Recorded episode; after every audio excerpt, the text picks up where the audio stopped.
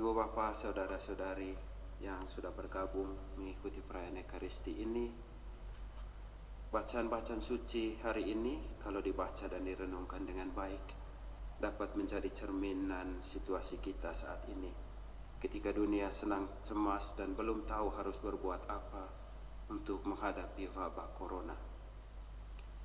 Naaman sedang mengalami sakit kusta. Ia dan keluarganya dan bahkan raja negeri Aram tidak tahu harus berbuat apa untuk menyembuhkan dia. Untung ada pelayan perempuan tawanan dari Israel yang memberitahu dia tentang nabi di Israel yang bisa menyembuhkan orang yang berpenyakit kusta. Raja Aram mendengar informasi itu dan menyuruh Naaman untuk pergi ke Israel menjumpai nabi yang dimaksud.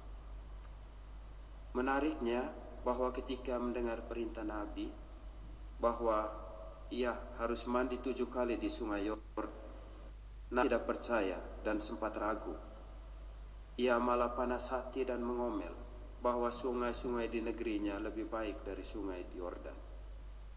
Untung ada para hambanya yang meyakinkan dia bahwa hal yang diminta Nabi itu tidaklah sukar.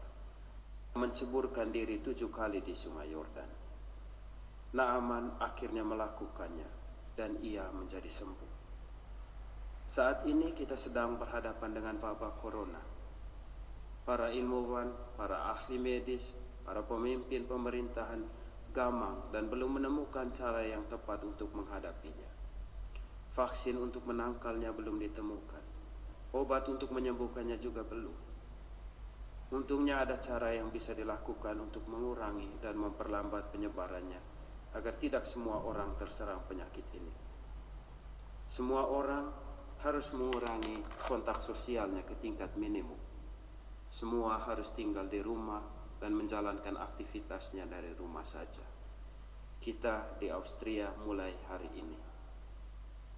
Seperti Naaman, mungkin kita tidak yakin bahwa cara ini akan sedikit menolong. Mungkin ada dari kita juga yang mengeluh bahwa ini sangat mengurangi kita, melukai rasa kemanusiaan dan hidup sosial kita. Tetapi percaya dan yakinlah bahwa Tuhan juga bekerja melalui para pemimpin pemerintah kita.